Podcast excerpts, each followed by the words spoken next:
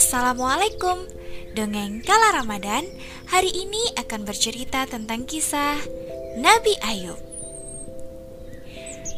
Nabi Ayub adalah nabi yang diberikan banyak sekali kekayaan oleh Allah. Ia memiliki perkebunan yang sangat subur Dan menghasilkan banyak bahan makanan saat hari panen tiba. Ia juga memiliki hewan ternak yang banyak lagi sehat. Tidak berhenti di sana, Nabi Ayub juga dikaruniai istri yang salih dan setia. Ia juga memiliki banyak anak. Karenanya, Nabi Ayub hidup dalam kebahagiaan.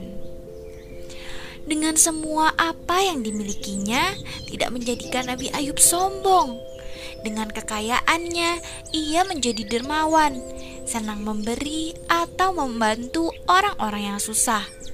Ia pun senang mengajak beberapa orang yang membutuhkan untuk kerja bersamanya.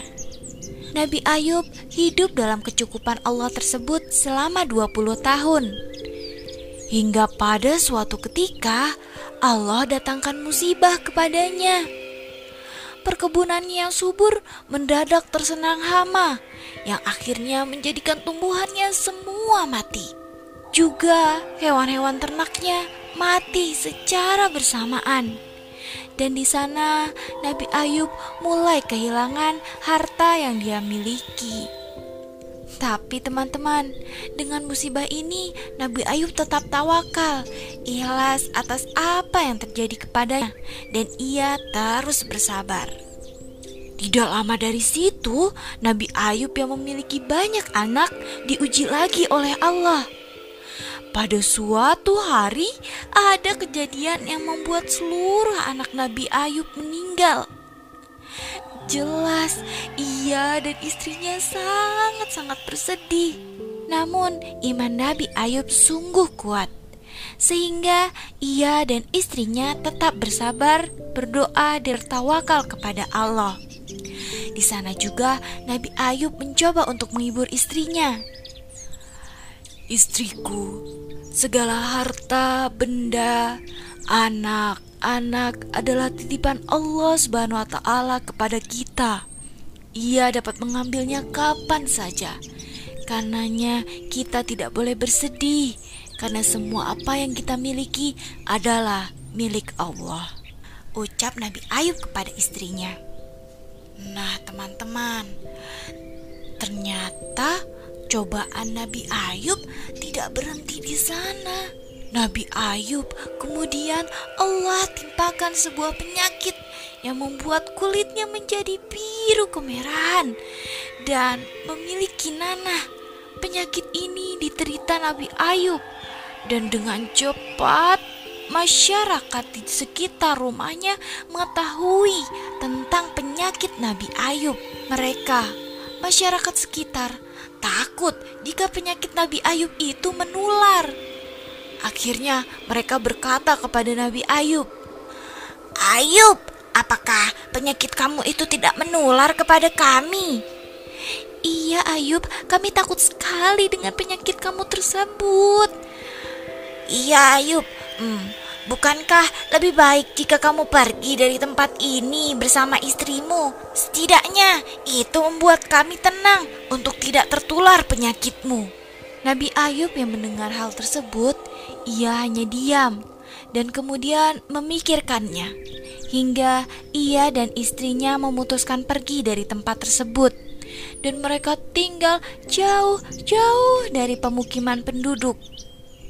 Hingga 18 tahun kemudian, Nabi Ayub masih dirundung penyakit yang sama.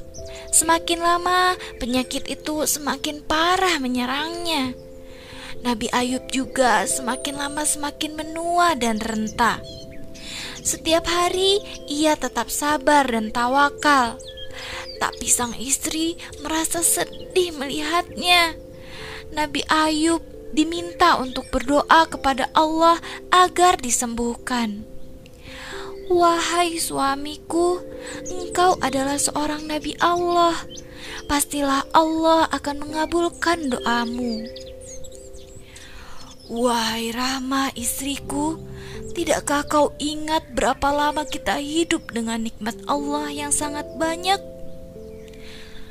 Ingat suamiku, kita hidup dalam kenikmatan selama 20 tahun. Sebenarnya aku sangat malu untuk meminta kepada Allah. Kita diuji kurang selama 20 tahun, tapi kita sudah mengeluh ucap Nabi Ayub kepada istrinya. Tapi hari demi hari, harta mereka mulai habis. Penyakit yang dirasakan Nabi Ayub pun semakin lama semakin menyusahkannya untuk beribadah. Nabi Ayub sangat sedih ketika ia tidak bisa beribadah dengan baik kepada Allah, dan akhirnya ia pun berdoa kepada Allah. Ya Allah, ya Maha Penyayang, ketika Engkau memberiku ujian, aku berusaha untuk bersabar menerimanya. Namun, jika penyakit ini mempersulitku beribadah kepadamu, maka angkan penyakitku, ya Allah. Maka seketika itu turunlah suara dari langit seperti Rasad ayat 42 Allah berfirman, Hentakkanlah kakimu, inilah air yang sejuk untuk mandi dan minum. Setelah mendengar suara tersebut, Nabi Ayub kemudian turun dari ranjang dan ia menghentakkan kakinya.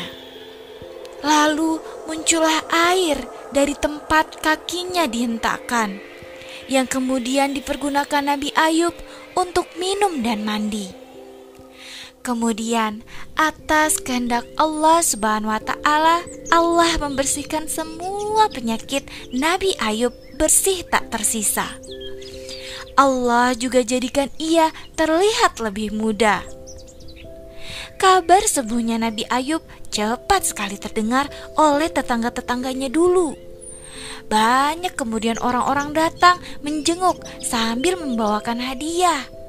Setelah Allah sembuhkan Nabi Ayub, Allah juga memberikan harta dua kali lipat dari harta ia punya. Istrinya pun Allah kehendaki untuk hamil dan memberikan banyak anak untuk Nabi Ayub dan mereka berdua. Seperti apa yang Allah firmankan dalam surat Sad ayat 43. Dan kami anugerahi dia dengan mengumpulkan kembali keluarga, dengan melipat gandakan jumlah mereka sebagai rahmat kami dan pelajaran bagi orang-orang yang berpikiran set. Nah, teman-teman, dari kisah Nabi Ayub ini kita dapat belajar bahwa dengan segala cobaan, kehilangan harta, anak, dan juga dipenyakit selama 18 tahun, Nabi Ayub tetap bersabar dan bertawakal kepada Allah. Nabi Ayub juga tidak suka mengeluh atas apa yang ditimpakan kepadanya. Malah ia sangat malu sekali untuk mengeluh kepada Allah. Jadi teman-teman, jika kita ditimpa musibah, kehilangan sesuatu, atau diberikan penyakit, kita harus dapat bersabar seperti sabar yang ditunjukkan oleh Nabi Ayub.